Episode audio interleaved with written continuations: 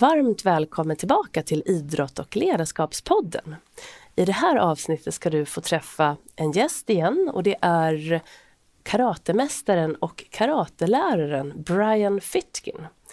Och eh, jag hade själv förmånen att få träna för Brian för, nu är det nästan 15-20 år sedan, när jag själv var aktiv som proffs. Och eh, Brian driver en karateklubb på Söder, på Södermannagatan som heter Kyokushin. Kyokushin. Och eh, han har också några pass i veckan som kallas för kick and box och det hade han även då. Och boxning är ju väldigt bra för golfare för att öka explosiviteten, snabbheten och få längd och rakhet i dina slag eftersom det också jobbar med din rotation. Så det var därför jag tränade och då fick jag träna med Brian och jag insåg snabbt att han var en otroligt eh, fantastisk tränare. Och så fick jag också höra om hans erfarenheter och bakgrund. Och eh, nu så här många år senare när jag då driver den här podden där jag bjuder in gäster som jag har någon relation till eller som jag känner så blev Brian ett självklart val och jag är jätteglad att han tog sig tid att vara med här. Så du kommer att få lyssna mycket till eh, Brians erfarenheter både som atlet där han tog både VM-guld och var på OS och han har tävlat runt om i hela världen och sen gått över då till att bli tränare på heltid. Och eh, hans erfarenheter och kunskaper kring detta och hur karaten då kan ses som en livsstil och en resa i självkännedom. Så att hur den helt enkelt bygger din karaktär. Och vi pratar mycket om den här utmaningen mellan tävling och eh, glädje. Balansen mellan att kunna prestera på topp och samtidigt ha det här välmåendet med sig.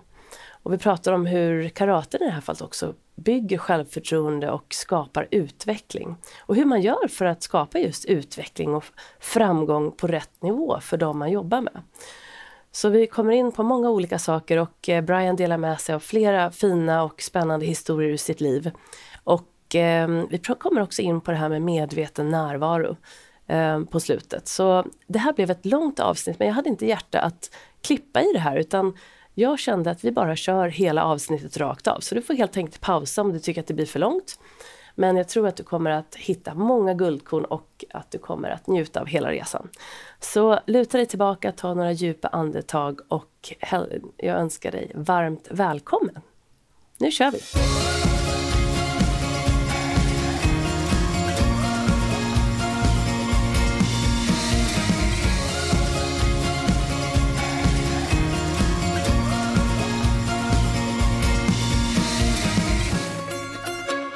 Då är du varmt välkommen tillbaka till Idrott och ledarskapspodden.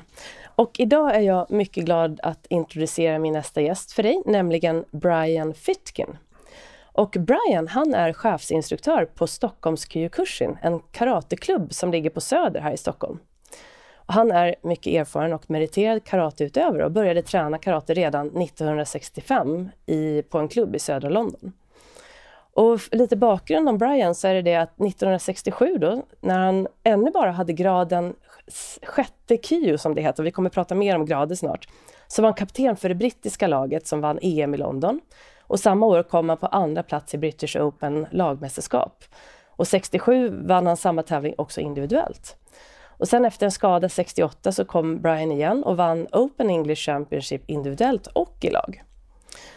Och 69 så reste han till Japan för att träna med grundaren till Kyokushin som är den här formen av karate då som, som Brian tränar. För att träna, och han hette då Susaimas Oyama. Och där tränade han varje dag och till slut när han eh, bodde där i Japan eh, så blev han tilldelad en utmärkelse för att ha tränat fler timmar än någon annan. Och 71 så reste Brian runt i Europa och fortsatte tävla, instruera på många olika klubbar. Och 74 flyttade han till Sverige för att börja instruera vid Stockholms Karatekaj. Därefter vann han tillsammans med det brittiska laget både VM i USA och EM i Iran och slutade efter det för att satsa på att instruera på sin egen klubb i Stockholm. Och genom åren har han då både tränat mycket, många, många amatörer men också många framgångsrika mästare. Och en av dem är Dolph Lundgren och det här kommer vi prata lite mer om.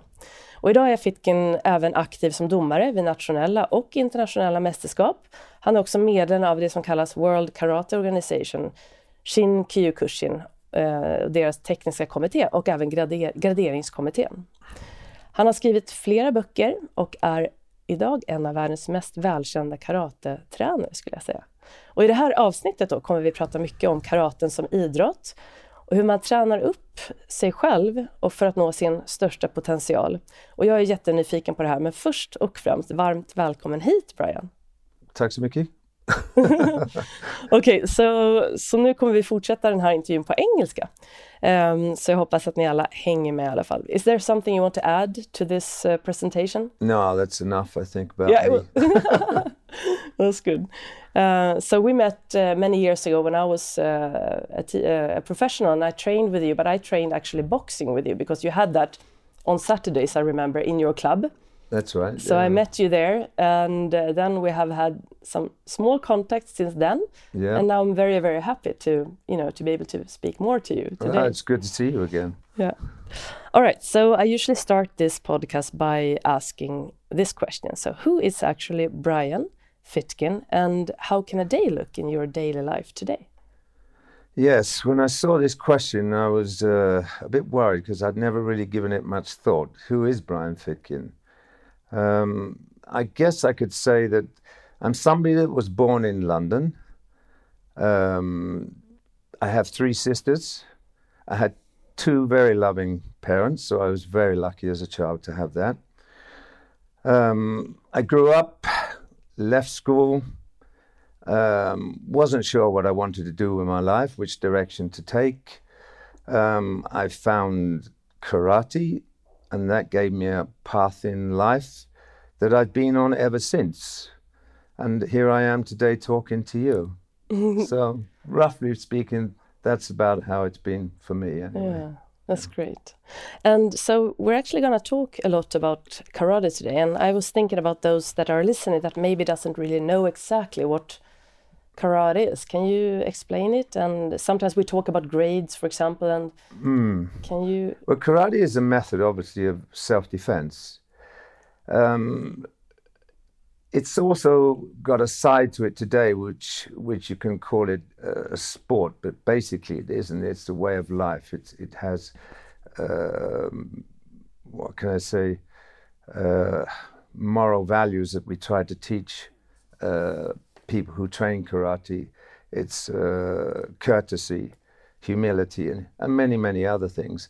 And we try to make them strong individually, mentally, and physically. Um, we give out grades, what we call grades, um, for a reason to to give them goals to aim for. So we start off by having 10 grades. And so as a beginner, you have no grade at all. So their first grade will be 10, 10th, 10th grade, yeah, 10th uh, kyu. Um, and to do that, they obviously have to produce a certain amount of technical skill. Uh, they have to know certain techniques. They have to know also um, certain katas, which is kind of looks like a dance in a way.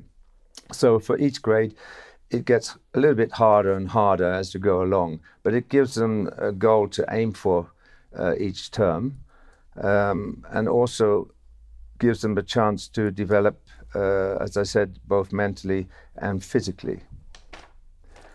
Um, once you get to black belt, which is first dan, uh, you can grade again. You get second dan, and then third dan, fourth dan, fifth dan, sixth dan, mm-hmm. and so on and so on. After so getting the black belt, yeah, you can continue. Belt, yeah, you can continue. Ah. In our style, we have grades up to fifth dan, uh, or not grades, but we have a grading. So that's, that's an actual physical test up to fifth dan. After fifth dan, you are rewarded with a new grade if you are still going strong, you are still doing things to develop yourself and other people in karate, and also maybe helping out within the uh, style of karate that we do. For instance, I'm a member of the technical committee, the European and the uh, World Technical Committee. I'm also a member of the uh, grading panel that we use, so yeah. we grade people. So that means me traveling to Japan uh, quite often. Well, I say quite often. It used to be yearly, but now it's every two years, possibly.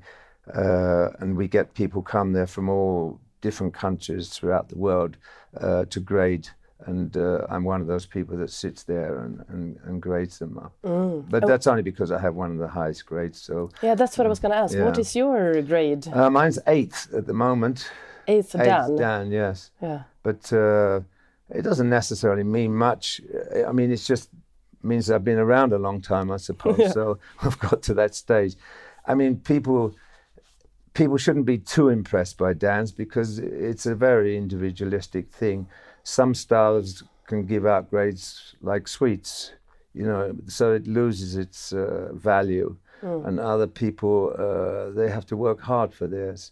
Some people actually change styles because they've been bribed by possibly getting a new grade if they change styles. And they can do this a few times and manage to get up. Luckily, 99% of most people are honest and uh, they work hard and deserve their grade. But uh, it's just to give you an example of what's Yeah. out there anyway. Yeah. So how how do you train today? Do you still train a lot? Yeah, I still train. I mean, obviously now I'm older. Um, it's not as hard as I used to train. I have to be realistic about it. Um, but uh, I still enjoy training because there's a spiritual side to it as well. It's just this uh, always trying to maintain. That's my goal. It, gives me goals in life. It gets me up in the morning. I have to maintain, try and maintain what I have, try and maintain the standard I have, even if I see myself getting older and that kicking higher becomes more difficult or an injury here or an injury there stops me from doing certain things. I have to train round them, but never give up. You just continue to train because that's part of who I am. If I didn't do that, I wouldn't be Brian Fitkin anymore. So it's important. So how did you liksom, how did you find karate from the beginning when you were how old were you? Um, probably about 17, I think, something, something like that. you I'd were- left school yeah. um, and I lived in London, which is a pretty tough town to live in. Uh, certainly, if you live in the uh, suburbs, as I did, uh, you need to look after yourself, or did. Probably still do, I don't know. But um, so there was that appeal to it, just to learn how to uh, defend myself, you can say, become a better fighter. In those days, it seemed to mean quite a lot. And so uh, I took it up. But it, but having started karate, I soon realized that that's not what it was really about. There was so much more to it. So that was a surprise for me. Um, but it was luckily something that I really fell in love with. So uh, I really enjoyed it. And that's why I'm still doing it today. If it was only about defending myself, I certainly wouldn't be doing it today anymore.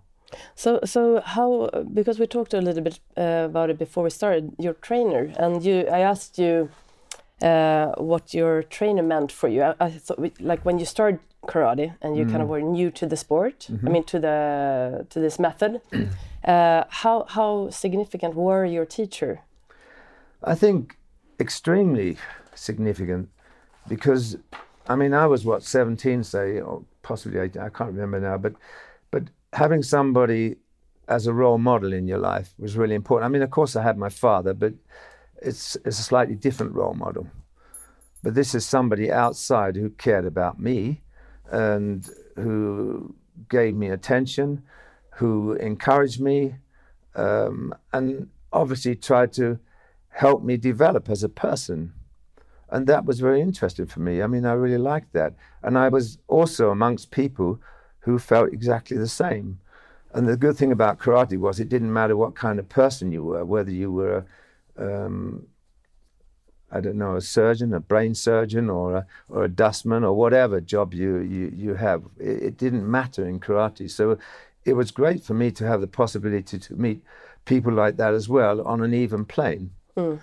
Whereas before, if you come from, say, a working class background, you'd probably go to a working class pub or whatever, or, or hang around working class people, which is nothing wrong with that at all. But you don't get to meet other people from society.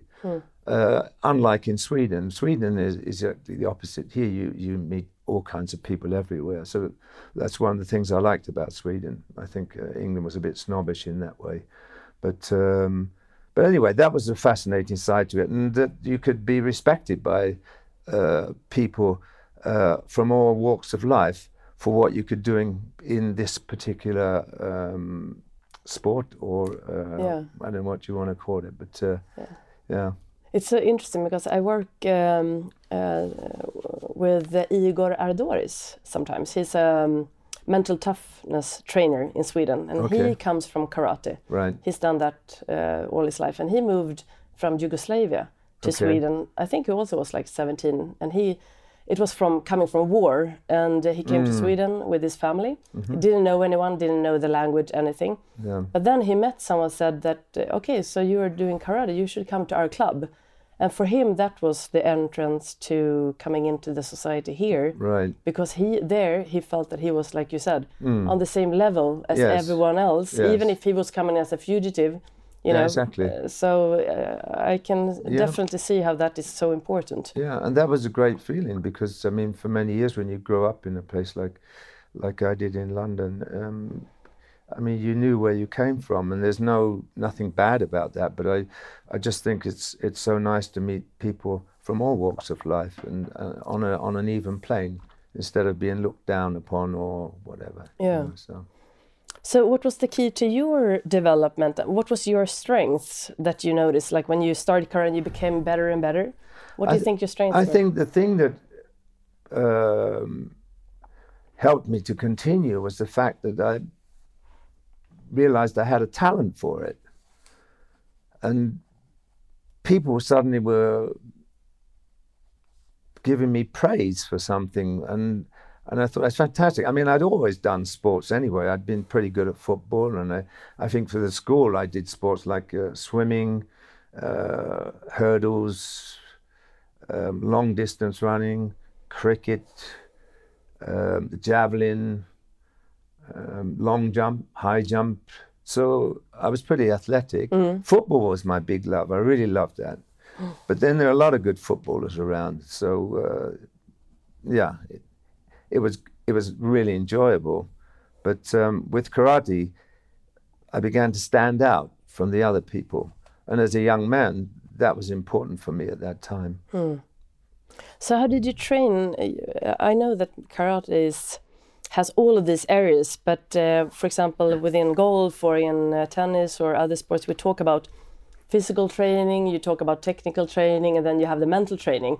You know, my book is about the integrated training, Right. which is all these three parts. Okay. So sometimes I notice that um, a lot of the people, at least I meet, they train a lot of technique and they train a lot of physical training, but they don't really know about this mental training. And I know karate has that kind of integrated already. So how would you say that um, that you train those three areas? How how do you, how do you can By how did you train them all? Um, by having challenges within karate. Karate is tough. It's very physically tough. Um, I mean, it can be. Depends on what style, but basically, it is quite tough, should we say? So you have challenges. i i just doing push-ups, sit-ups, uh, doing exercises that that basically, you know, tire you out completely, but still finding the mental strength to continue when you feel you have nothing left in the tank. This is what karate does quite often. So some of the exercises may seem ridiculous because you think, well, how can I do a, a 100 or 200 push-ups or whatever it is somebody's asking for that you think is impossible for yourself? But quite often that's not the point. The point is just to get you trying and then for and then yeah get you trying and you finding out that actually you can do maybe more than you thought you could. Even with a little bit of hard work um, you can get past that level what you thought you had. And, and i think that's that's really important. And these are the kind of challenges we do. And it's the same with sparring. When you're sparring with somebody it's quite difficult. And if you do it till you get really tired then you, you have this mental training all the time. You know, it's it's it's just the way it is. Hmm. You know? And um, yeah, so you don't really think too much about it because it's it, it's it's so much. Certainly in the style that I do, which is based on full contact karate, it's obvious that you have to be the fittest and the strongest that you possibly can be in order to have any chance. Hmm. And I mean, technically good as well. So you have all these elements hmm. in there. You can't go in a fight and say, well, that hurts, so I'm giving up. I mean, that's ridiculous. There's no point. So you, you have to build that side up, and it comes with a tough training. But it's not all tough training. There are easy parts to it as well. Like everything, you have to have it well balanced, and you have to know what exactly is your training. So if I ask somebody, as I say, to do uh, a lot of push-ups that they think is impossible, that's beside the point. The Yeah, point is, do they have any fighting spirit? Mm. Do they have it in them to to keep trying even if they can't? Hmm. Or do they just sit there and say, well, that's it for me. I'm stopping there. Yeah. Maybe they need to rest for like 10 seconds and then try again to get another two in. Hmm. But and so on and so on. Yeah, you so know? can you see that um, the character, uh, you know, you build your character like that as well? Because maybe you don't think that you, maybe you think that you're a quitter, Mm. or that you're you don't you're not gonna make it. But then if someone, a trainer or a teacher, Mm. tells you, okay, we're gonna do 100 push-ups today, and you Mm. notice things within yourself Mm-hmm. that helps you come over those Ah, hinders on the way. Um, so it's and now you're beginning to understand karate. yeah. this is all about self-learning, Mm.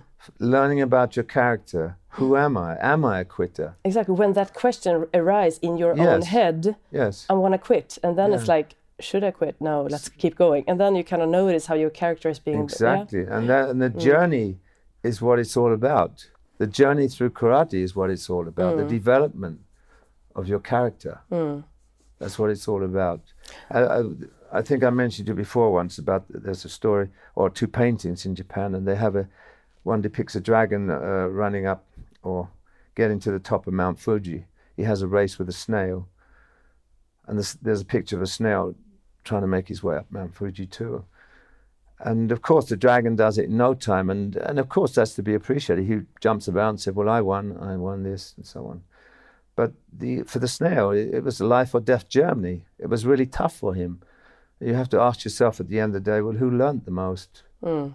And those are important lessons. Mm. So it, it's not just about getting there. It, it's often the journey is where you learn the stuff about character, who you are, what you can do, the possibilities that you have. you know.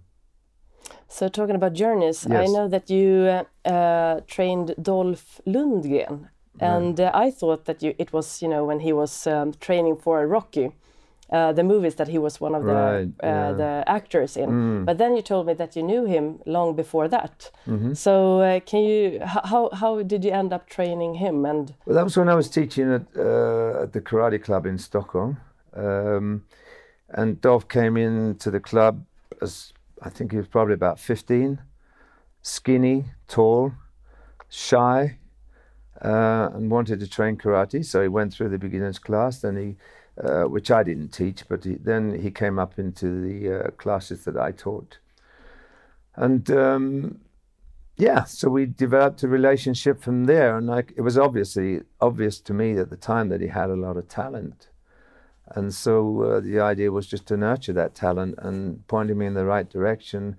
And I said to him, "You're going to be a champion one day," and and he was.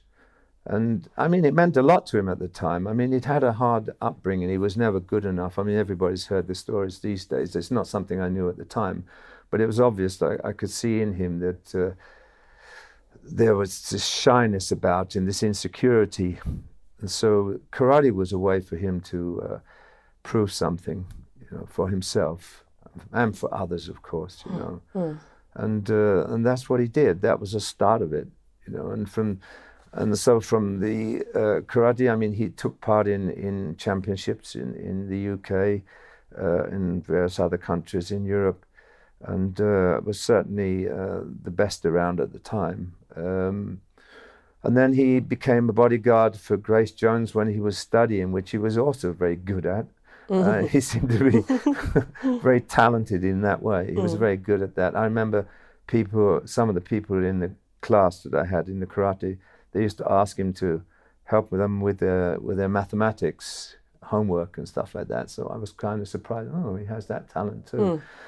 So anyway, he went to Australia for some kind of uh, degree for whatever, I don't know, master's degree or whatever it was, and um, and I think on the side he was he, he he was still training there, and he got the job of bodyguard to Grace Jones when she was there, and then of course that led to a relationship, and then the rest is history, I suppose. Yeah. Do you still have contact? Oh, all the time. Yeah. All the time. We we text each other. We we email each other. Um, we've gone through life together, and Hmm. and uh, he he's often said to me that he really appreciates having somebody like me in his life that's always very stable. And, Hmm. and when he comes back to Stockholm, he always visits and and comes to the club and trains, and uh, we catch up on each other's lives and discuss different things, aspects of life, and so on. Hmm. It's all part of uh, his and my own um, development. Hmm. Yeah. It's so important to find someone, I think,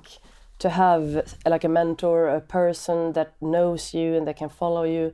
Uh, if you're lucky to have that, I think it's I think it is a for great thing. it is for some, but not everybody. I don't think everybody needs it, but uh, some people definitely need it. Hmm. Yeah, and if you can do that, I mean, it's the same with the club. I've been at the club so many years now that, I mean, I've had children grow up. They meet me in the street. They're always so happy to see me, or they come back to the club to pay me a visit, or they bring their children to the club so they can train.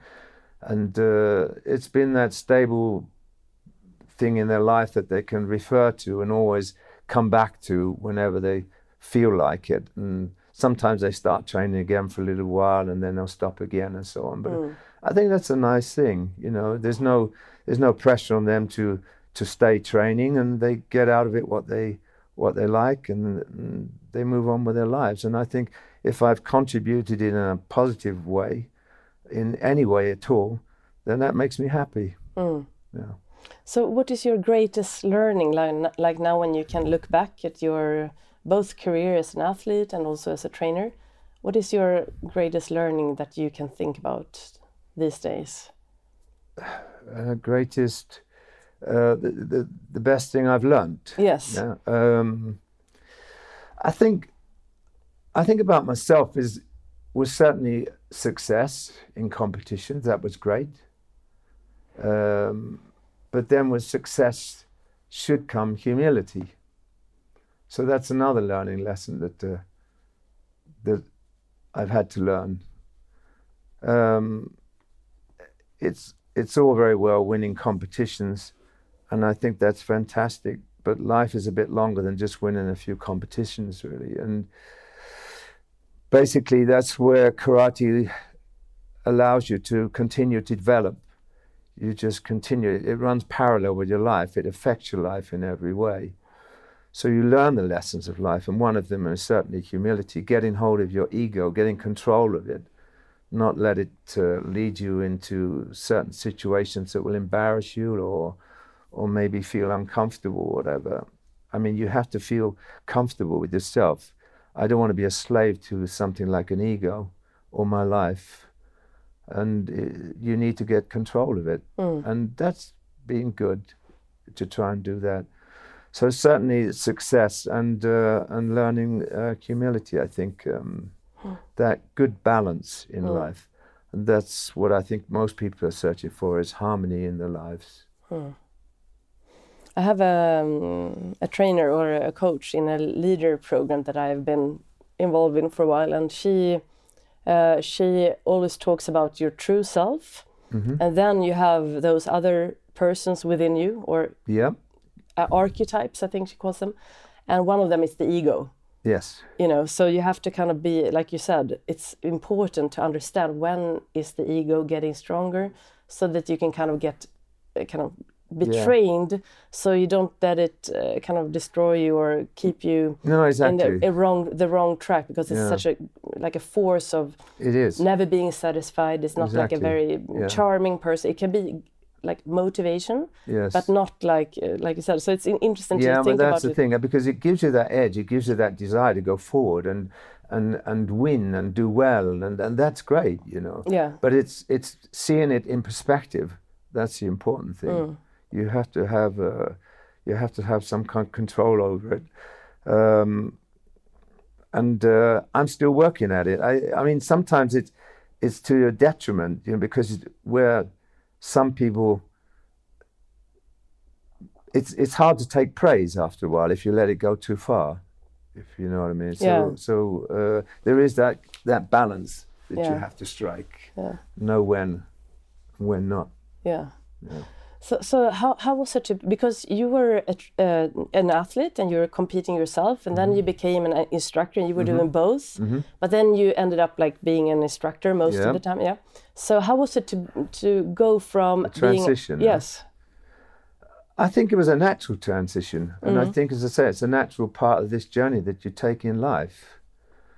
Um, you gain experience from competing. You learn about your weaks, uh, your weaknesses, and your your strengths.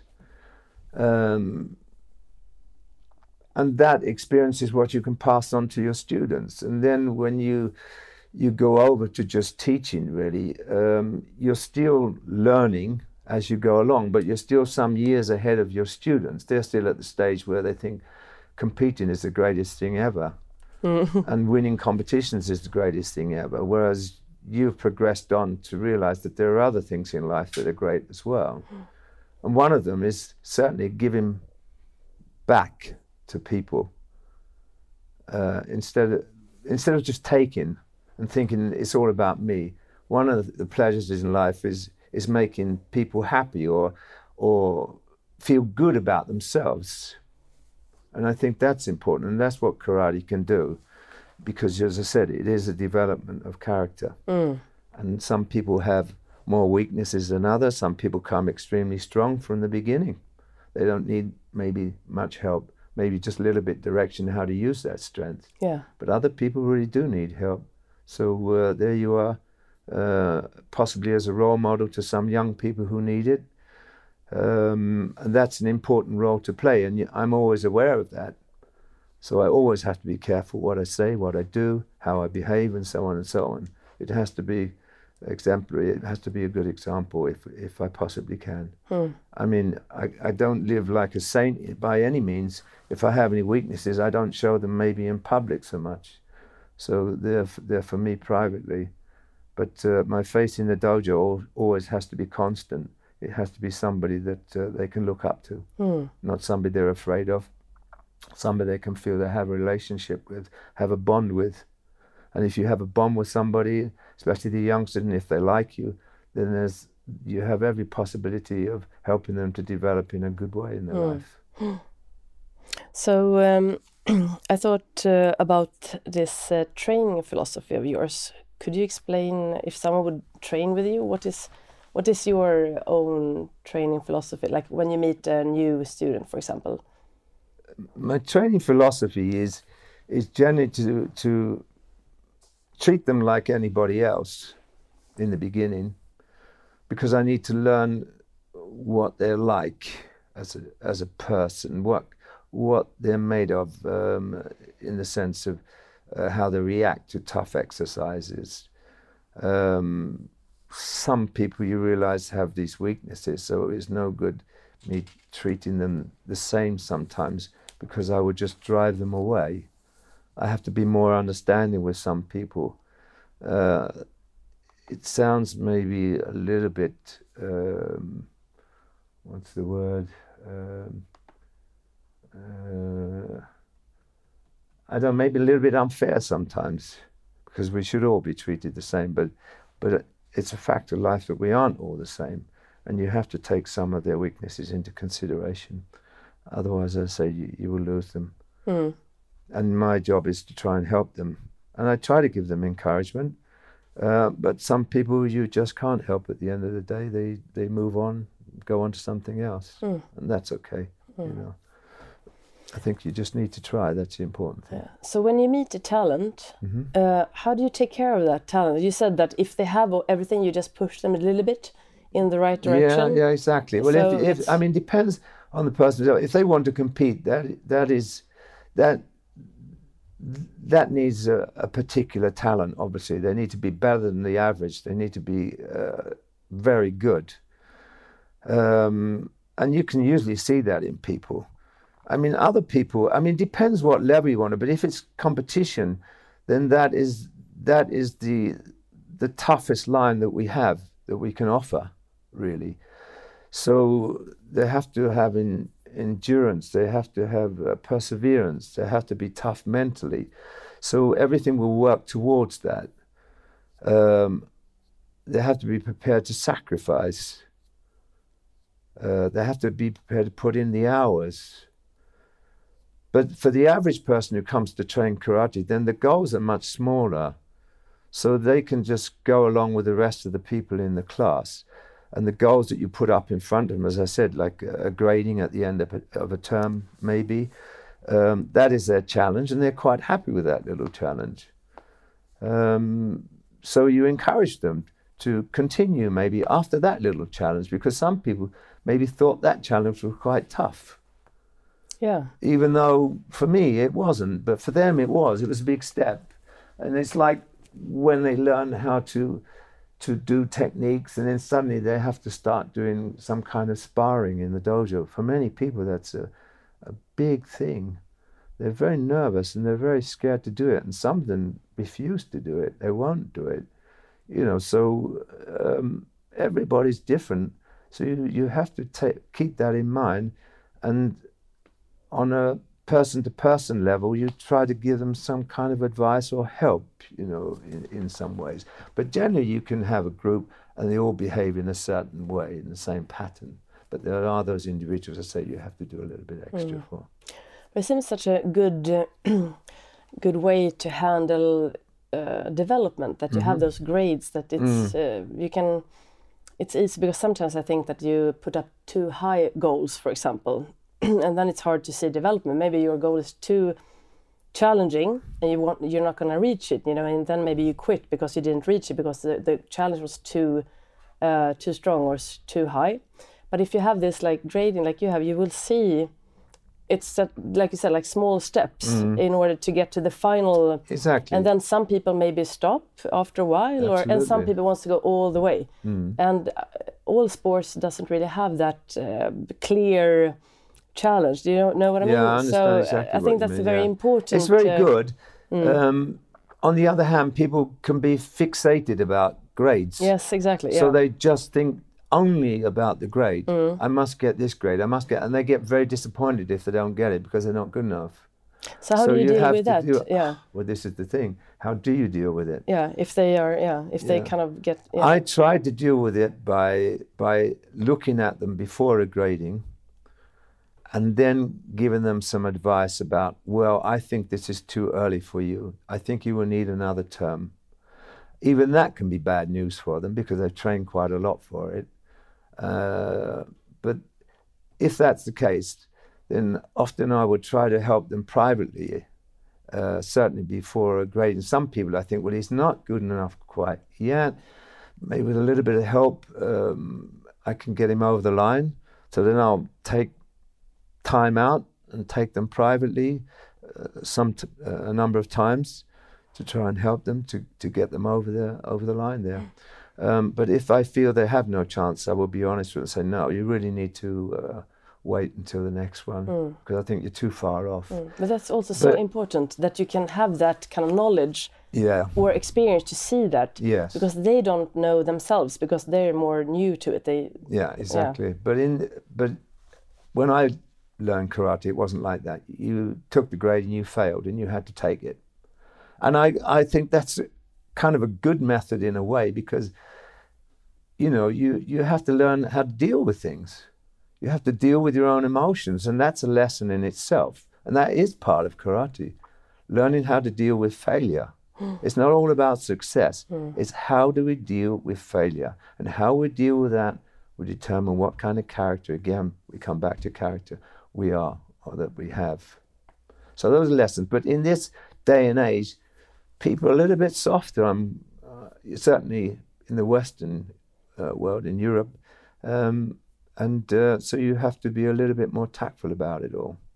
And uh, it's not necessarily a bad way, but um, I mean, I grew up in the old school, which is a bit tough, and it worked for me, and it worked for many other people at that time. So people today could do exactly the same. It's just that we society has changed so much today we have to think so much more about people's feelings. Mm. And it's not that we didn't think about them before, it's just that we learned how to deal with it. We had to. We did it. We learned how to deal with it at school. Your parents told you if if things like that happen, just don't worry about it. Turn, you know, just give it back. You, you learn how to defend yourself in that way. But you told me before we started that the balance of learning how to train hard, uh, give your best, you know, staying focused because all people wants to develop and you feel good when you when you can kind of uh, get challenges and know how to deal with them. And but then having that balance of for example when you fail uh, you can can kind of fall softly uh, as well, but by yourself, not by having someone always taking care of you, but by having that balance of training hard and that, and then also having this uh, part that is um, you can call it softer, but also having the the love, or so to speak, together with that toughness. Yes. That would be like the perfect balance. But that's a great. That, I mean, that's that's what karate is all about, and that comes back to the having. Uh, there's there's a story about the sleeping dragon. We have a karate. It's called the sleeping dragon. Uh, if you want to translate it, it's about a sleeping dragon, and that he's he has so much strength and power that he can wield. But he's not bothered. He doesn't need to do that. He just wants to sleep in his cave or whatever, just not be bothered by people. But if you go poking him, he's going to do something and, and that's that's the sort of combination you need you know you need it you need to be able to defend yourself when it's really really necessary mm. otherwise no you're a contented person it's having those two strengths That's a good uh, way to describe it. Yeah. So um, yeah, so uh, my question was about this motivation because I have many students. Usually they come to me since I'm a, a mental trainer, and they usually come to me when they have faced some sort of problem. You know, they haven't maybe faced problems before. They have maybe won all the time, and then suddenly they start losing, and they don't know how to get back up again.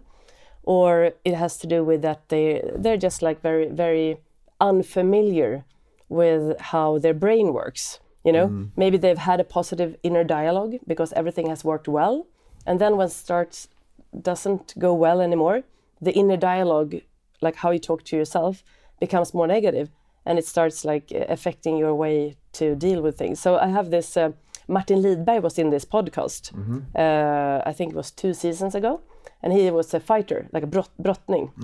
And he told me that you know everything went so well for him as a junior. He had a clear goal. He won, wanted to win the championships in the world championships.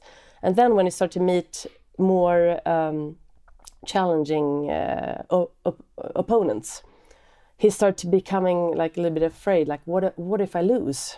You know and that thought was new to him because he always thought i'm gonna win. So he started to think okay i'm gonna lose. What happens then? What's, what's gonna, my sponsors gonna think? And so on. And then he understood that this is just a thought problem. And then he talked to his trainer about it who was also very familiar with mind training. He said well okay so what happens when you lose? Okay i get really frustrated i get mad and everything.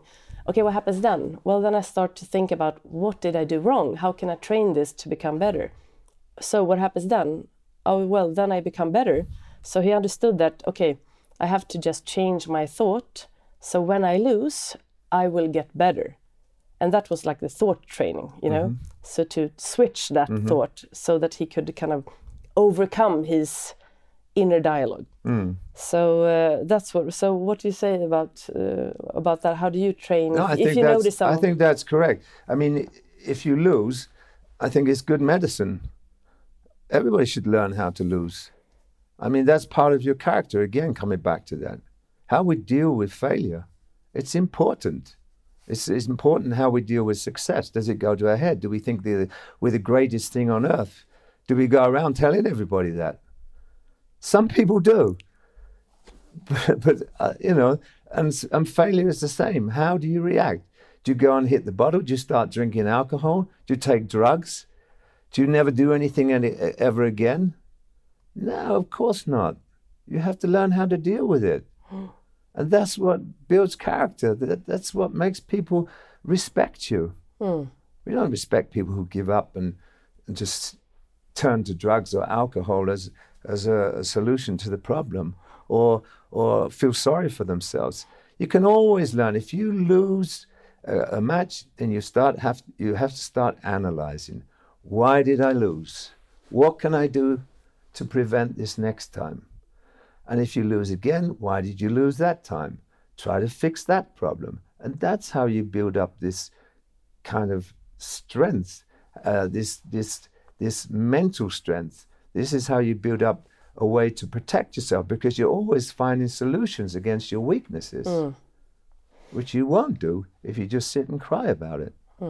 So after some sort of failure, or you have like um, something is not going your way, just sitting down with it after the feelings have kind of gone away, you can sit down and just ask yourself good questions Yes. in order to get back on track. Yes, and also be determined to to prove to yourself that you can get past this moment.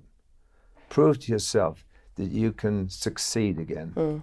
That's the challenge of it. Are you up to the challenge? Yeah, I think that the the most healthy competition, if you want to compete, is just competing with yourself. Absolutely. Am I better today than I was yesterday, or two months ago, or years ago? Because if you start competing with others, you're just gonna lose focus, right? Right. So that's a very good uh, Yeah, I mean, way to think what, about it depends what you have as a goal as well. I mean, personal goals like competing against yourself. uh, I mean, that's basically what I have had most of my life now. My own personal goals, competing against myself, keeping myself fit, keeping myself on top of things physically and mentally. Hmm. And I've loved it. I've really enjoyed it.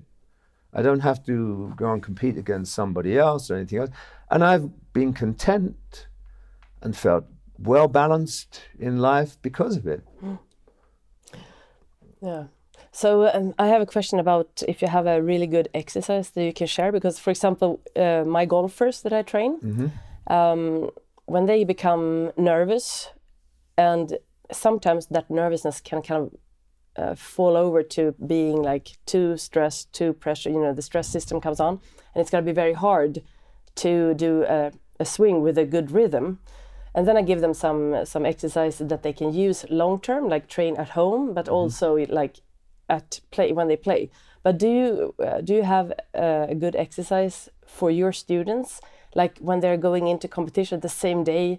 Maybe they're really nervous. Uh, do you tell them to do something special or Yeah, something I you can, can share? I can give them advice, but it's only personal advice, things that I use myself. But that's not necessarily good for them. It depends how nervous they are.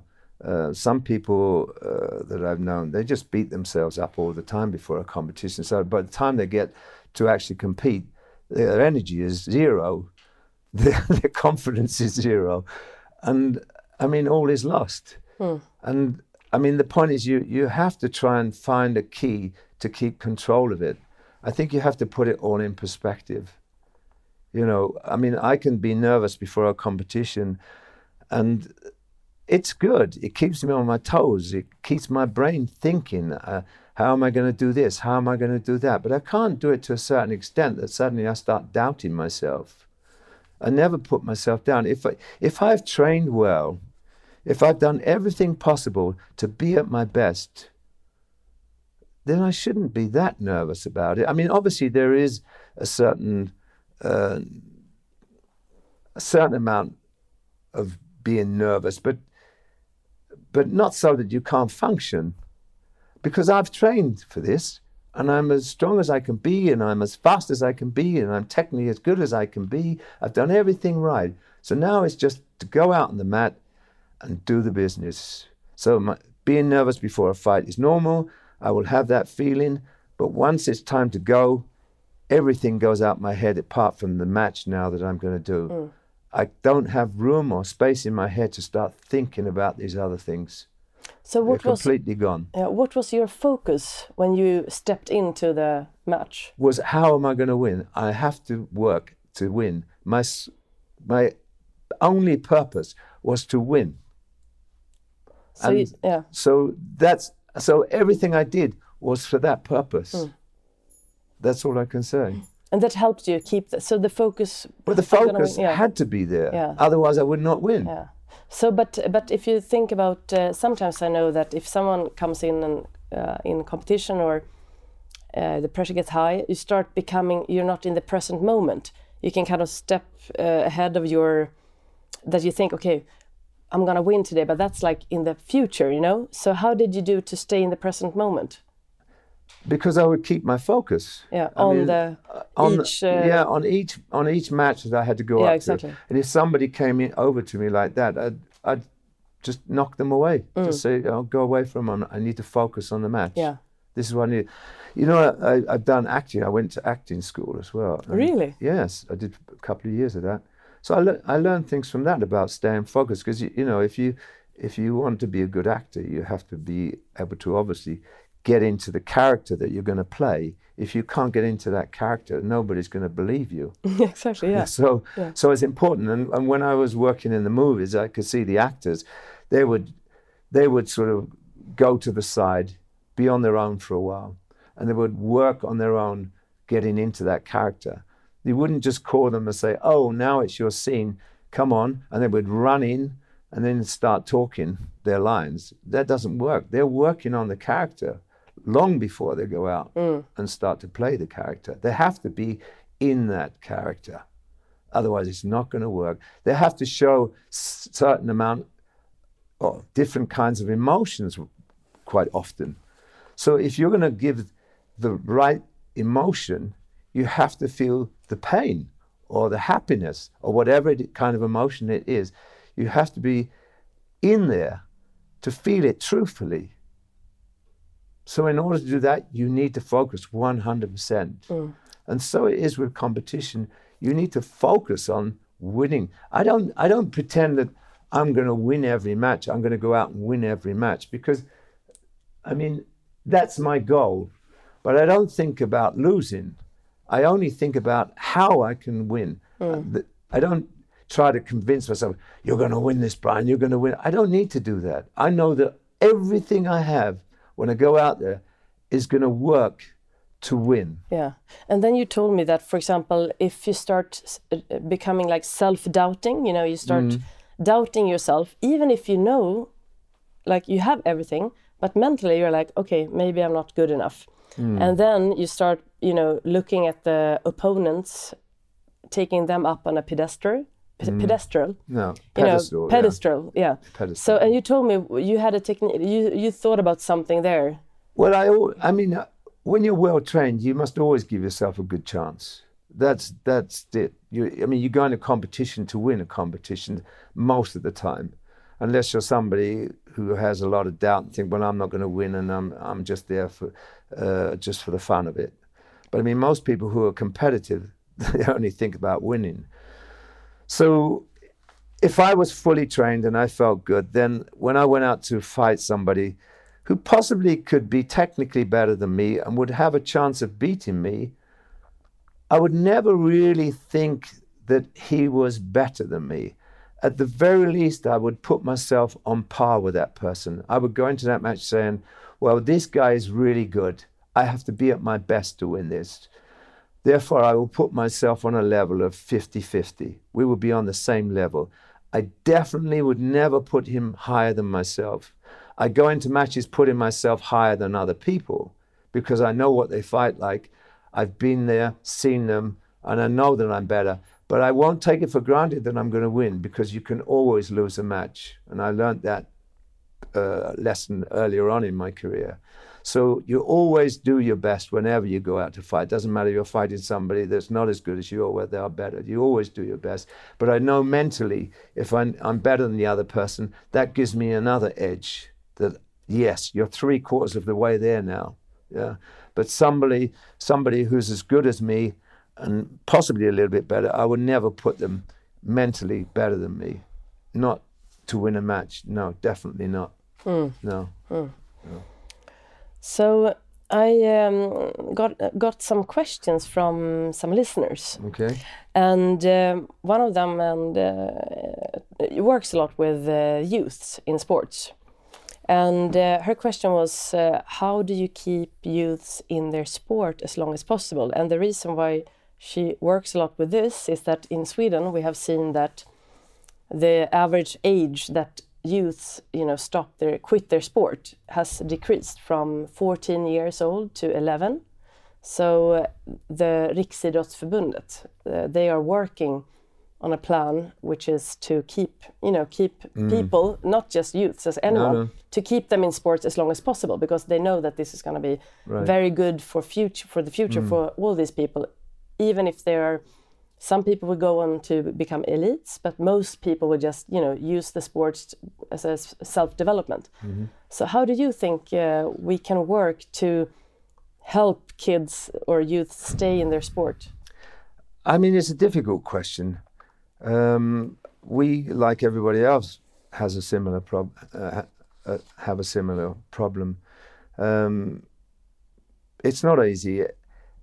It seems to me sometimes if we bend over backwards, we still lose them. You know, if we bend over backwards to please them, we still lose them.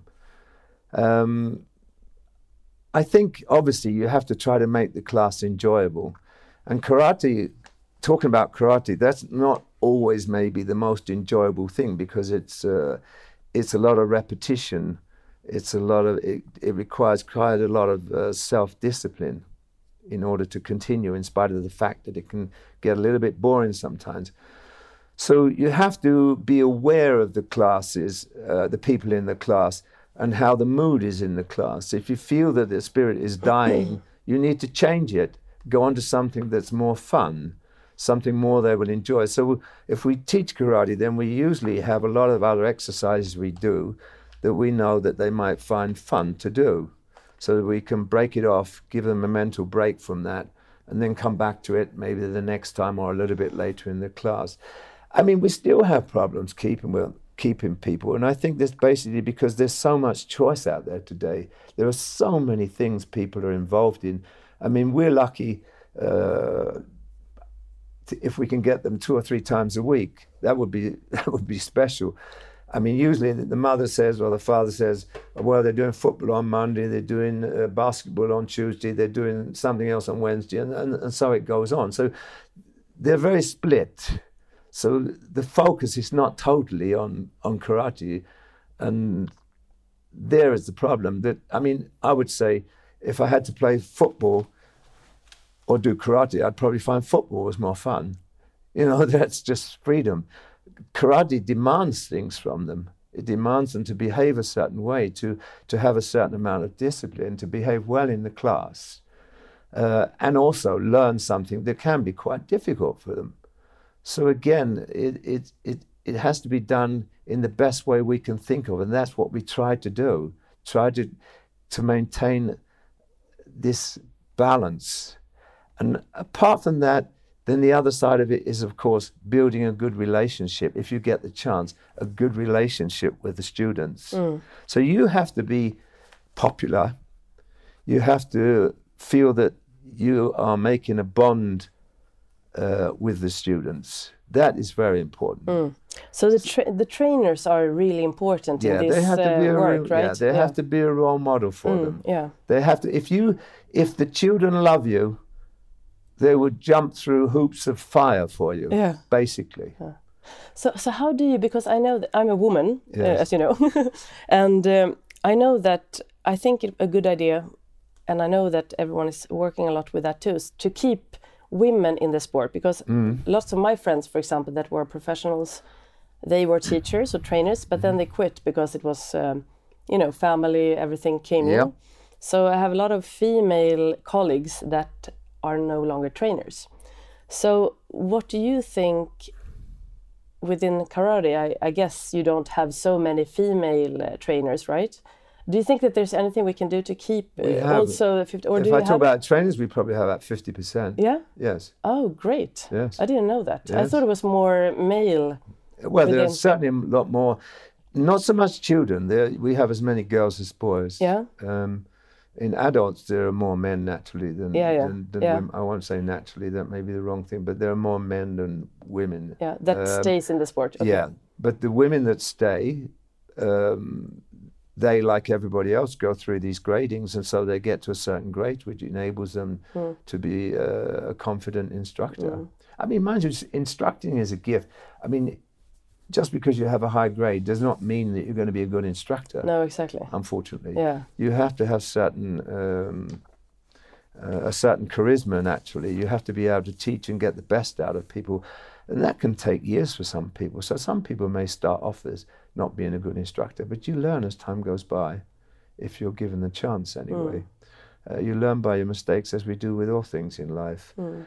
Um, so, yeah, I would say that women make uh, good instructors, certainly with children anyway. Mm. I mean, it's. I mean, men are obviously with the boys, they they certainly in the family. I think it's important for them to have a male role figure, definitely. Mm. But with the karate, it seems to give the women that, that bit of sort of edge, if you know, which, which the man has, and you know this thing with discipline without being cruel yeah. or anything like that. You know, this is well, this well balanced thing. Yes, yeah, this exactly. balance in mm. it. So they have that because women, I think, have a, maybe a, uh, they have this ability to sort of, you know, cuddle boys and girls, and and they they, they have this love naturally, if you mm. know what I mean. Whereas men, we tend to sort of want to fight with our kids and make them strong and yeah, things yeah. like that. yeah, know? it's There's natural. a little rough and tumble about yeah. it, you know. But so it tends to balance out with the karate, I think, and so the women's input is quite important for the children. I find otherwise the men can go way over the top with yes. it. Yes, you know? I think it sounds like such a good idea to have always have female and male instructors yes. just because we have that perfect balance exactly, together. Yes, exactly. And yeah. Uh, yeah. I, I, really hope that um, in all sports there will be because in, in most sports I think in general there are less female leaders mm. than male leaders that right. become become coaches or trainers. Right. Yeah. So that's a um, great um, thing to talk about that balance like yes. we talked about before as well. Yes. The structure and the love and yes. I mean uh, that balance is uh, really, really good. Yeah, I think. Yeah, and I think uh, you know offering something stable, like I said earlier, mm. in, in, their lives. As I said, I've had children, and they've kept in touch with me all these years. And they come back from time to time and take up the training again, and and uh, and for many of them, it's. I mean, they've said to me that it's just like a second home for them. That's why they come. Mm. And so the social side of this, and it's not necessarily the social side that you need to invite them home for tea or anything. I mean that you you go to competitions, you do courses together, you you go, you you you you go to competitions, you support them, you build this bond, and when you train with them, you build this bond with them. Um, they go through hard times in the in the in the karate club. I'm talking about physically hard times because it's tough training sometimes, and that of course means that it's mentally tough sometimes. But you do it together. You do it as a group, and there lies the strength. You have a group, and you're all pulling for each other. If you have a weak link, then of course you try to help them, try to help help them to stay and keep up with the others, and so on. So it makes you aware of other people's weaknesses and not just about how strong you are as a person, mm. you know. So um, working as a team is really important. And when I say team, I'm talking about the whole club has to work as a team. Uh, and that's important. Mm. And you have to be there all the time, I think, t- because it's rather like when I was a child and I used to come home, if mum wasn't there, I was pretty sad as a small child. Even though she was only gone maybe shopping or something, mm. she was part of the fixture that gave me a sense of security and love and, and worth and, and values and stuff like that. You know, she, she, she made me feel good. And I think that's our role as well, that we're here. If you need to talk to me, then you talk to me you know, and some people do. They come privately to mm. me and mm. tell me about their troubles and things. So you're mm. not just teaching karate. No, just the presence. Yeah, like, just your presence. Yeah. It means that everything is okay. It's mm. like the sun comes up. Everything is good. The world is okay. Mm. Yeah. So, uh, what are the?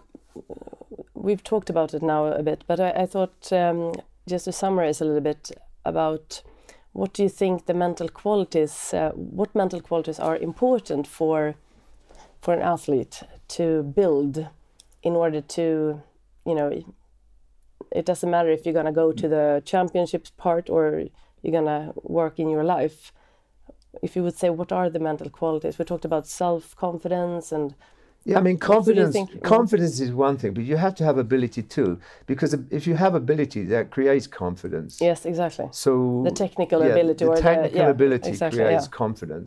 It's rather like fighting. If you realize you're good at fighting, Yeah. well, you're going to have even more confidence when you go into the next fight. And this Someone is said- this yeah. is how it builds up. Yeah. Someone said that if you can build up your body to be Yes. you can build up your brain. Exactly. So if you build up your body, not necessarily through fighting, but if you build up your body and you feel good about yourself, Mm. that gives you an air of confidence as well. Yeah.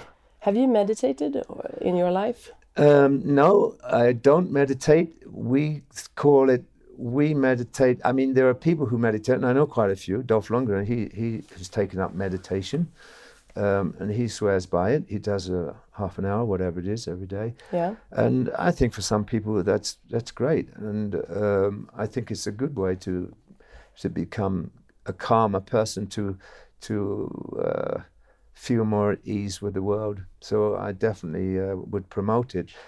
Uh, our kind of meditation in the in the karate club, we, we don't really have time to sit there for half an hour. The, the class is over or something, you know. So we used to do it in Japan when I was in Japan. That we would spend some time meditating, but to be honest, it was quite difficult for me to get a grasp on it at that time. Uh, our meditation is doing the techniques, um, or what we have these have these kata forms, uh, and the idea with karate, as with anything in life, is to do it as perfectly as possible. You have to aim for perfection. And perfection means mentally and physically, possibly spiritually too. It, you have to have all your senses all come together and into a technique so that you have to have be in the now when you do these techniques. So no foreign thoughts in your head, totally immersed in what you're doing for that moment. So it's a kind of meditation in motion Yeah, exactly. is how we do it. yeah, it. moving Yeah. meditation. Yeah, moving yes, meditation. Exactly. Yeah. Yes, exactly. So that's how we more or less do it, even though people aren't aware of it. But anybody can do it. You can do it probably when you do cooking, maybe. If you're cooking something, you don't think about anything else. You're totally immersed in it. Or if, if I'm fixing uh, a car or whatever, I'm totally immersed in what I'm doing. That's a kind of meditation too. You know, Yeah, because exactly. it's total fo- focus. So we, we do it in those kind of ways. Um, later in life, I mean, for me as an instructor, I've analyzed it more and more and more, and I realize it more and more and more. But when you're younger, you don't give it a second thought because this is kind of natural to do, you know. But learning how to focus is maybe uh, is difficult for some people. It isn't so natural for them, but it's a good lesson to learn, obviously. And karate is a way to do it, staying focused. I get people coming to the class and they, uh, and they always say, "Oh, you know, I've had such a day at work. It, it, it's terrible, but oh, it's so good to come to the class. I don't need to think about anything except what I'm doing. For the moment, I can forget all those things outside. I come into the club, and I and and it's a wonderful feeling. And I say, yeah, but that's that's what it's for as well. Exactly that reason. Hmm. It's here for you for that reason, you know. If that's what it is, hmm. you know, and that's the good thing about it. So uh, yeah, meditation is good, hmm. definitely. Learning how to focus. That's what I love about the Japanese culture. You know, it's an art in everything. I mean, if they do ikebana, you know, if they do a flower arranging, or if they just make a tea ceremony, um, they don't just throw um, flowers in a vase and, and move a few branches or whatever and say, well, look, doesn't that look good because it has pretty colors? They don't need so much. They take simple things that that are um, what can I say that that represent maybe uh, seasonal things. You know, like if it's cherry blossoms, then maybe they'll pick some plant that represents that, or a piece of cherry blossom there, and then something that represents longevity or whatever, and you put it together in a certain way. So it makes you think, and it's so beautiful the way they do it. And if they serve a tea, it's How is this folded? How do they present you with the cup? How do they place it down? How do they make the tea? Everything is done as an art form. It's so beautiful to work. But as a youngster, I never really got it. I never really understand it. I thought, wow, if I want a cup of tea, just pour it out, you know, just make it. Uh, but I never Yeah. appreciated it. No. But now I see it that it now it touches me. It touches my heart when I see it. And I'm Yeah. glad that I've got to a kind of spiritual stage in my life Mm. where I can appreciate those kind of things. And that's made me love Japan more and more, even more than I did when I Mm. was younger. I can so understand. I, I just read uh, a book called Ikigai, Okay. and it's about um, the the village where they have most people that are becoming more than hundred years old in Okinawa. Right. They're So- diving and things like that. Yeah, they? no, no, No, no. is it, this is like really, really. They talk about this. What you're Okay. talking about now, that this uh, ability to immerse yourself into things that you do with your soul yeah. and your whole person. Exactly. So you, you have that kind of the reason why you wake up in the morning. You know, you have it can Yes. be like doing st- stuff in the garden, Yes. Hanging out with your friends. They they you know they have those keys uh, that they they have an interest that they immerse themselves in. Mm. They do everything in the present moment, like you explained, Mm-hmm. with feeling, and they are together a lot in in uh, net. Or, well, they meet a lot to have those tears, Mm. so they're not by themselves. And then also a little bit how they are eating and everything. Mm. But it's it that to reading about it makes me also be very very interested because I think here it's it's so much like we do everything quick and then we f- we wonder why we feel bad why we, why we are stressed and why because and it's not such a you know it's very obvious why we're stressed Yes. we think that we're kind of running to something and we don't even know what, what we're running for no, exactly. but Everything has to be fast.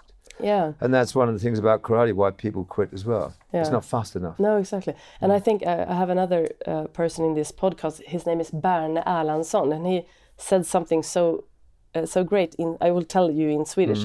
He said that you have to uh, stop, uh, stanna upp för att hitta din inre långsamhet. Hejda dig för att hitta din inre långsamhet. Absolute. So, uh, and I think about that all the time because I'm a fast person. So uh, I usually, you know, run 10 steps in front of myself. So I think that I'm gonna just stop, look back, take myself in my own hand, and just kind of, you know, Absolutely. ease down. But that's what focus does in karate. It's like if I do katas, train on katas, I'm so immersed in the kata, and we're coming back. If I go back to the acting, the acting, the actor is so immersed in the character that he's playing, he forgets who he is himself. He becomes the character that hmm. he's playing. Hmm. But when he comes out of it, he realizes that he's been immersed in something there. You know, But so if you train beginners, like a beginner's course mm-hmm. at your club, that are maybe not used to this, maybe they are coming from this fast environment. And mm. what is your first, like, what is your classes about in the beginning? Well, Except for- obviously, yeah. obviously, we we try to get them moving with techniques. So we have to teach the basic punches and the basic blocks and the basic kicks. Those are the first things we have to do, and then we try to get them moving with that. You know, in certain stances. But everything demands great attention and discipline. I mean, self-discipline, technique. Because we're in an art that is trying to be as perfect as possible then we can't just accept any technique. It has to be as perfect as possible. So they may say, well, this stance gets me from A to B as good as the other one. But technically speaking, that's not how the stance should look. To look perfect, it has it's rather like dancing, it has to be perfect.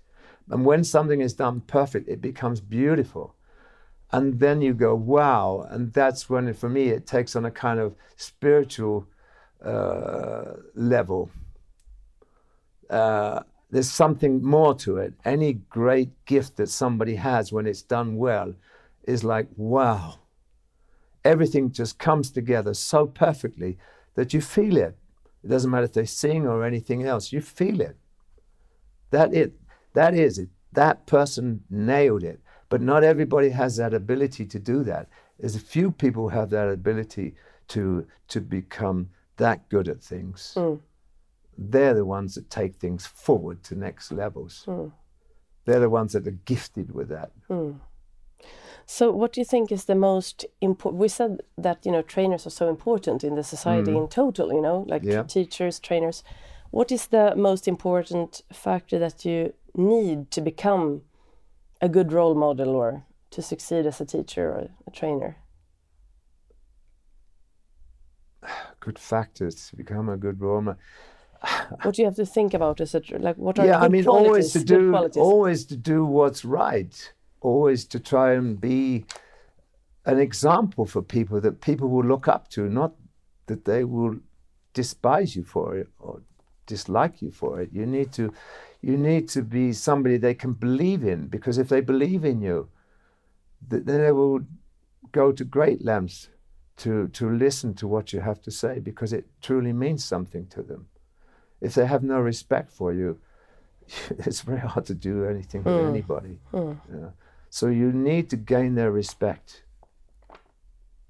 And you need to have an understanding mind, obviously, as well, to understand that everybody has weaknesses and that, uh, yeah, that you, you are there to help them to try and get them past those, to make them stronger. Because by becoming stronger, uh, physically and mentally in, in the sense of karate, then uh, they will uh, feel much better about themselves. Mm. They will have a lot more belief in themselves. And everybody feels good when that's there. Mm. So uh, I'm thinking about what are your future plans? My future plans Yeah. to continue as long as I can. um, I mean, I'm still teaching at the moment. Um, there's a part of me that would like to stop and just do a lo- travel around the world and things like that. Mm. Um, but there's a part of me that also says that what I do for people, I think, is a good thing, and that's the gift that's been given to me, and I want to pass it on to as many people as I can. And maybe that was my purpose in life. I don't know, but I feel it strongly, and therefore, to go traveling around the world is kind of selfish in one way, but on another side, um, it's maybe something I could, maybe I've deserved in some way to do. But as usual, I come down to this factor of balancing everything. So I try to get away and travel as much as I can while I'm teaching. That's, And a good my, balance. That's my compromise. exactly. Yeah, that's my compromise. Going to Japan. and I mean, yeah, going to Japan Yeah, or whatever I yeah. do, and and in the summer I'll go to England, and in the winter I go to England, I go to Spain or whatever it's, uh, and if I do any other trips, um, I try to do those things uh, because they make me, they help me feel good about myself. They keep this balance in me. If I just concentrate on the karate, then I don't think that is necessarily a good thing. Obviously, you, you need to balance everything in life, Mm. and so that's what I try to do, so that I, I keep uh, myself harmonized in that Mm. way. I read also in this book about those Japanese people in the village, Mm-hmm. and this um, this man he was 105 years old, I think, Mhm. and he said that he had never been as good as he was when he turned 80 at what he was doing. Right. so I think about you know yeah, but it's true. yeah. I mean, I mean, what you lack physically, you make up spiritually Yeah, or, or mentally. You know, you Mm. make up for it. You have so much to offer. You you have experience. You've been there. You've done all those things that people, like if people are competing today, I've done it. I know what you go through. I know the emotions. I know what's there for you afterwards if you continue. And there has to be something more you can do. It can't just come to an end after competition. Otherwise, you've learnt nothing much, you know, other than being successful, possibly, or in some cases, maybe some people being a failure. And that isn't the end. Uh, it isn't at all. You, you have to keep progressing. That's why I keep training because that, if I keep training, I, I keep learning. I'm still learning today. I can't live long enough not to learn. It's like it doesn't matter how many years you give me, I will always learn because things are always going forwards, Mm, always going forwards. mm, If I stood still and said, right, now I've done my competition, I don't need to think about it anymore. I don't need to train myself anymore. That's ridiculous. And any, in any case, training is me. That is me. That's part of my identity. I wouldn't be Brian if I didn't train. mm. I wouldn't recognize myself when I looked at myself in the mirror in the mornings. Who is this guy? I would say. Mm. It's impossible. It didn't matter if I, if I have bad injuries. I will always train in some form or another. Yeah. That's the way I am as a person. that's what I've learned because I know I will always progress. I always learn more, um, and I always feel better for it. Mm. Yeah. So, if um, I always ask this the final question to my uh, guests, if you would choose one to three things to tell to the listener that are have listened here, and if they're thinking about, okay, what can I do to reach my fullest potential? You know, I want to really go for my goals or go for my dream, or uh, I really want to to yeah. So, what are your like three, one to three? I think advice, so to speak. I would just say if you have a goal, if it truly is your goal, you'll find a way to to try to reach that goal. That's for sure. Because you have a passion for something. And if you have a passion for something, it gives you a drive. The drive the drive is there to push this passion forward so that you reach your goal, if we put it that way. And maybe you find out that you don't reach the goal because sometimes we we want certain things in life and they're unattainable. It never happens. But you need to try. You need to give 100% to try to reach that goal so that you find out if it's possible or not. if you doubt yourself, excuse me, if you doubt yourself, then of course you're never going to get there. So you need to try it just to see if you can get there. But be smart. I mean, maybe you realize after a while that this really isn't for me. I don't really feel as passionately as I thought I was. You know, so maybe you need to change direction in life, which lots of people do. And maybe in the end you will find something that you reach the the goal and uh, where you reach the goal and and that's fantastic. But I don't think it's a bad thing not to reach a goal. So many times it's the journey that's important. Many people don't reach their goal in life. It's the it's learning from the journey that they make towards the goal that will make a big, big difference yeah. in their life. Being the snail. Exactly. Going up to the mountain. Exactly. that's a good Coming summary. That, yeah. Coming back to that. Yeah, yes. that's a great. Exactly.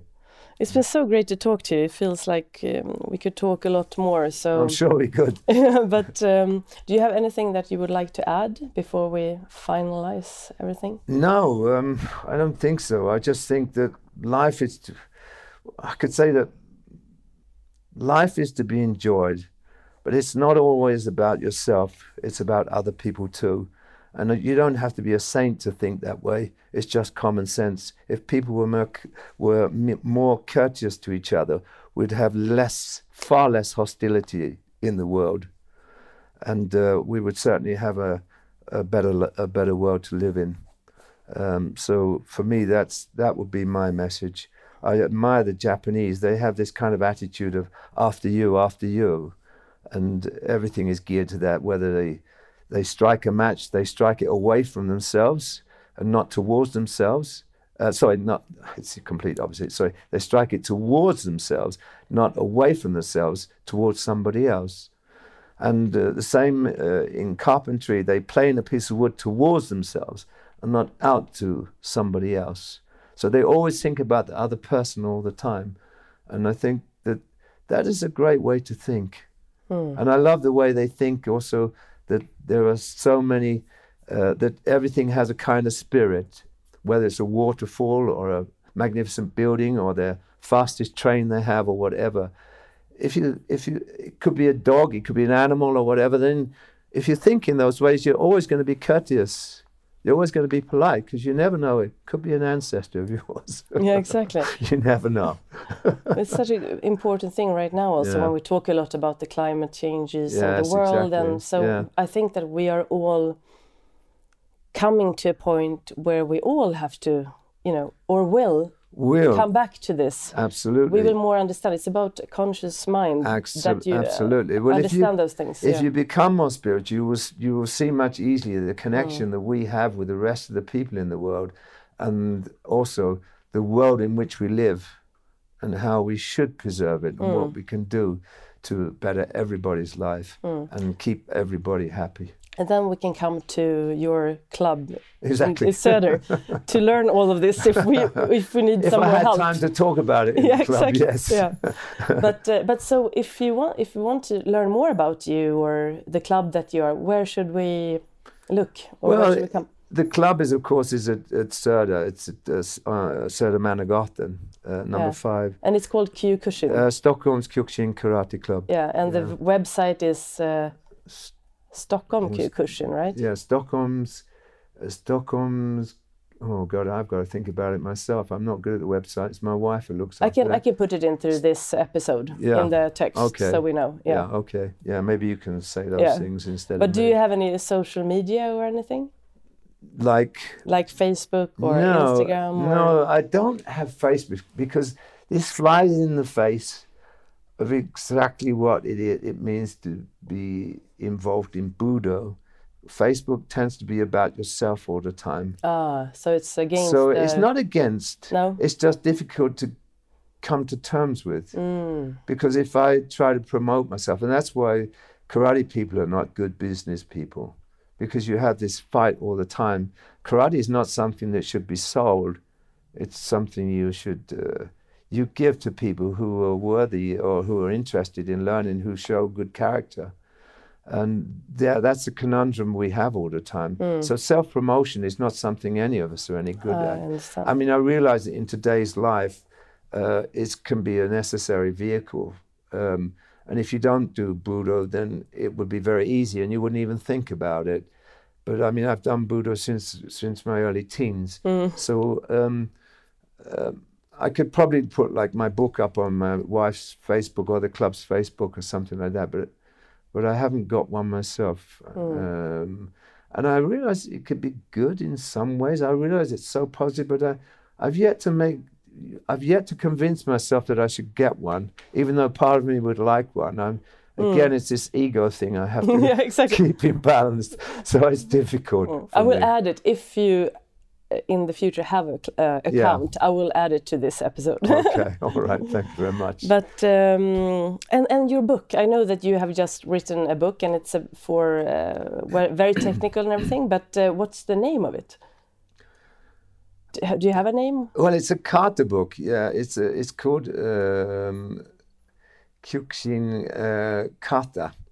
But I mean, kata is what I was talking about earlier. You have these kind of forms that you have to follow. They're- Oh, okay, the dance. like dances, if Yeah. you like. Uh, it's a silly way to refer to it, but it, it looked like that maybe to the outsider. Mm. and um, we have all these, and so there we have about twenty or thirty possibly, and um, people like to learn. So somebody who's already begun karate, they always want some kind of book where they can learn the moves to this kata. But this is only the superficial side of it, obviously. You know, it's just learning the technical side. Once you've learned kata, you've learned the movements, the thing is to come back, what I said before, is to come back with the true feeling of the kata and of the movements. And there we're getting more into it about the meditational side of it and, and doing something so perfect that it becomes beautiful and it becomes. Uh, uh, a little spiritual, and that what you that's something you can work on all your life. You may not be able to do all the techniques of the kata later in life because of age, but there are certain katas you can, or you adapt the body to it so that uh, you don't have to maybe stand as low or jump as high or move as fast or whatever or kick as high but you can still get a great deal of pleasure out of them in trying to in in having some kind of form in which to try to become s- as perfect as you can in mm. something. Mm. And that applies to anything in life whether you're a plumber or whether you're a, a cook or whether you yeah anything in life you you just want to be as perfect as possible. Mm. And that is what karate gives you. It's a vessel for that really. And then it has this sort of philosophical side to it which which makes it maybe a little bit easy to understand instead of doing it blindly and not really and taking it for granted so to speak you know so yeah Well, thank you so much for giving us of your time and for coming here to uh, tell us. Uh, well, give you give us of your experience and your inspiration and your knowledge. I, I don't know if it's any good for anybody, but anyway, that's a piece of me out there now, and uh, that's the way I, think- am. And for some, it's good. Maybe for others, it's bad. For some, it's maybe a lot of rubbish. I don't know, but that's the way I feel and think. And uh, I hope, it, as I do with my students, if it helps anybody in the slightest way, then it's all been worthwhile. Yeah, I'm so sure that it will be very, very great for a lot of people. So Oh. thank you so much. I know that You're you welcome. have a lot to do and you have very busy, so I'm very thankful and uh, You're welcome. thank you so much. You're welcome. Good luck with it all. Thank you, and you too.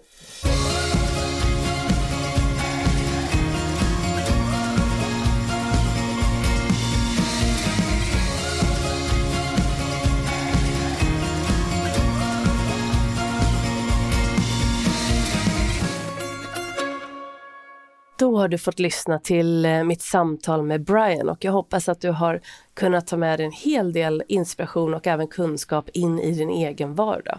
Och vill du veta mer om Brian så gå in på hans, eller hans klubbs hemsida som heter stockholmskarate.com. Och det är då Stockholms Kyokushin karateklubb. Och som vi pratade om på slutet så har de ju både karate för alla åldrar men också ett sånt här kick and box eh, pass. Jag tror vi pratade om det på slutet. Och det var det jag då gick för många år sedan när jag skulle utveckla min explosivitet som proffs, vilket hjälpte mig öka min längd med nästan 20 procent faktiskt. Så du kan gå in och läsa mer om Brian där. Och eh, än så länge har han inga sociala medier. Men eh, som sagt du hittar allt eh, du behöver om honom där. Och så hoppas jag att du går in och lyssnar på fler avsnitt på Idrott och ledarskapspodden och att du eh, kommer tillbaka snart igen. Och eh, i nästa avsnittet får du återigen möta en gäst. Och eh, tills dess önskar jag dig en riktigt härlig dag eller kväll och så får du ta hand om dig. Så ses vi. Hej då!